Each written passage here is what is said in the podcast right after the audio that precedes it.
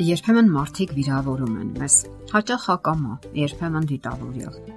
Մենք հաճախ մեզ լքված ու մերժված ենք զգում, մոռացված ու չգնահատված։ Մեզ թվում է, թե մեզ ըստ արժանվույն չեն գնահատում, չենք ստանում հարգանքի այն բաժինը, որին արժանի ենք վիրավորվում ենք անգամ մանրուքներից։ Իսկ արդյոք մեզ ցանկանում են վիրավորել հատուկ դիտավորությամբ։ Այս հարցի պատասխանից շատ բան է կախված, որովհետև շատերը բավականին լուրջ հոգեկան ապրումներ են ունենում։ Դա ազդում է նրանց ողջ կենսակերպի վրա։ Շատ մարդիկ պատրաստ են անշահախնդիր օգնություն ցուցաբերել կարիքի մեջ գտնվող մարդկանց, բայց երբեմն մտածում են, որ իրենց օգտագործել են։ Շնորհակալություն անգամ չեն հայտնել եւ վիրավորվում են նման մտքերի արդյունքում։ Իսկ ընդհանրապես ըստ մարդկանց, որոնք են վիրավորվելու առիթները կամ պատճառները։ Առաջիններից մեկն այն է, երբ մեզ չեն հravirում այս կամ այն հանդիսությանը։ Կլինի դա հարսանիք, ծնունդ, երեկույթ, Այն դեպքում, երբ մյուսներին մեր մտերիմներից ոմանց հravirել են, երբ չեն շնորհավորում մեր ծննդյան օրը կամ չեն ճանաչում փողոցում անցնելիս, երբեմն մեզ անտեսված ենք զգում աշխատավայրում, որովհետև չեն գնահատում մեր աշխատանքը կամ չեն ընդունում մեր առաջարկած գաղափարները։ Երբեմն մեզ հետ կոպիտ են վերաբերվում, խախտում են մեր հերթը եւ այլն։ Իսկ ինչ կարելի անել նման դեպքերում ամենից առաջ հարկավոր է չվիրավորվել։ Հոգեբանության դասախոս եւ գրող Սթիվ Թեյլորը գրում է. Այսպես կոչված նարցիստական վիրավորանքները հարվածում են մեր եսին, հաշկադրում չգնահատված եւ արժեզրկված զգալ։ Վերջին հաշվով ցանկացած վիրավորանքի հիմքում հենց այդ զգացումն է, մեզ չեն հարգում, չեն գնահատում։ Ասենք որ վիրավորանքը կարող է բացասական լուրջ հետևանքներ ունենալ Այն կարող է ամբողջ մի քանի օր տիրել մեզ։ Այնպիսի հոգեբանական վերքեր բացել, որոնք հետագայում շատ դժվար է բուժել։ Մենք երևակայության մեջ այնքան ենք կրկնում այդ տեսարանները, որ ցավն ու նվաստացումը վերջնականապես հյուծում են մեզ։ Իսկ վիրավորանքներին սովորաբար հետևում է պատասխան հարվածը հասցնելու ցանկությունը։ Մենք փորձում ենք պատասխանել նույն կերպ ինչպես նա է մեզ հետ վերաբերվել, եւ ահա փոքրիկ առիթները վերածվում են լայնածավալ մարտական գործողությունների։ Փլուզվում են բնականon բարեկամությունները եւ քայքայվում են ընկերությունները եւ նույնիսկ ընտանիքներն են խարխալվում։ Ասենք որ վիրավորանքները այնքան էլ անվտանգ չեն։ Առավել վտանգավոր այն դեպքերն են, երբ հարցը վերաբերում է երիտասարդներին։ Վիրավորանքը կարող է փոխադարձ վիրավորանքներ ծնել եւ ի վերջո հանգեցնել բռնարարքների։ Հոգեբաններ Մարտին Դալին եւ Մարգո Վիլսոնը հաշվարկների արդյունքում ողրզել են, որ բոլոր սպանությունների 2/3-ի հիմքում հենց վիրավորանքի զգացումն է։ Բռնարար գործողները այսպես են մտածում.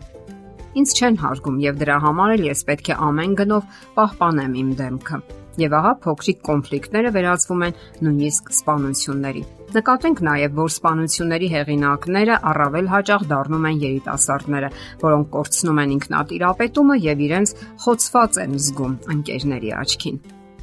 Իսկ ինչպես հաղթահարել վիրավորանքը։ Ամենից առաջ պետք է ընդունել, որ ցավ եք զգում։ Հաջորդ պահը այն է, որ կարողանաք իրավիճակին նայել դիմացինի աչքերով Նա իսկապես ցանկանում էր վիրավորել ձեզ, թե դուք եք սխալ մեկնաբանում իրավիճակը։ Նաև անընդհատ ձեր գլխում մի կրկնեք իրավիճակը։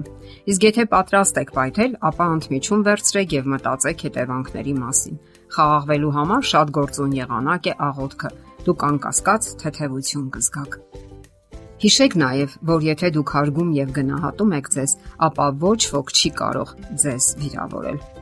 Պատասխանեք մի կարևոր հարցի ցանկանում են արդյոք վիրավորել ձեզ։ Հստակ եւ առանց չափազանցնելու։ Շատ դեպքերում մարդիկ նման մտադրություն չունեն Նրանց մտքով անգամ չի անցնում ձեզ վիրավորել։ Պարզապես հնարավոր է ձեր ակնկալիքներն են բարձր եւ հարկավոր է դրանք վերանայել։ Նաեւ միշտ ապեք պատասխանել եւ միշտ հիշեք, որ հեշտ նեղացնող մարդկանց ներկայությունը եւ անհարմարություն է ստեղծում շրջապատում եւ լարվածություն եւ մարդիկ նրանց ներկայությամբ բավականին տհաճ են զգում։ Շատերը վիրավորվում են այն բանից, որ իրենց չեն նկատում։ Նրանք դա համարում են անznական վիրավորանք։ Փորձեք նայել իրավիճակին հենց այդ մարդու աչքերով։ Իսկ միգուցե նա պարզապես իրոք չի նկատել ձեզ։ Գուցե այլ մտքերով է տարված եղել եւ առաջնայինը դուք չեք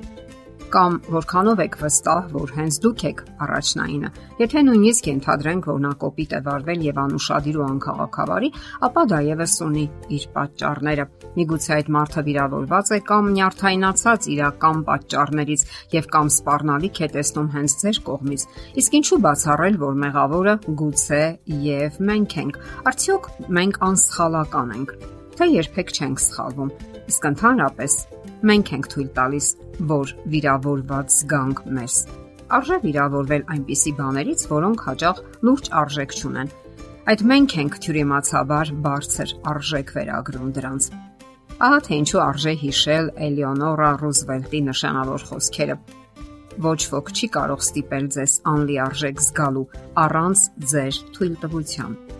Որոշում կայացրեք չվիրավորվել եւ վերջ։ Կյանքն այնքան էլ երկար չէ մանրուքները քչփորելու եւ սեփական կյանքը դրանց մեջ թաղելու համար։ Հասիր հաջողության եւ բոլոր վիրավորանքները կմոռացվեն։ Առաջնորդվենք այս նշանաբանով եւ ապրենք խաղաղ ու երջանիկ։ Եթերում է առողջ ապրելակերպ հաղորդաշարը։ Հարցերի եւ առաջարկությունների համար զանգահարել 033 87 87 87 հեռախոսահամարով։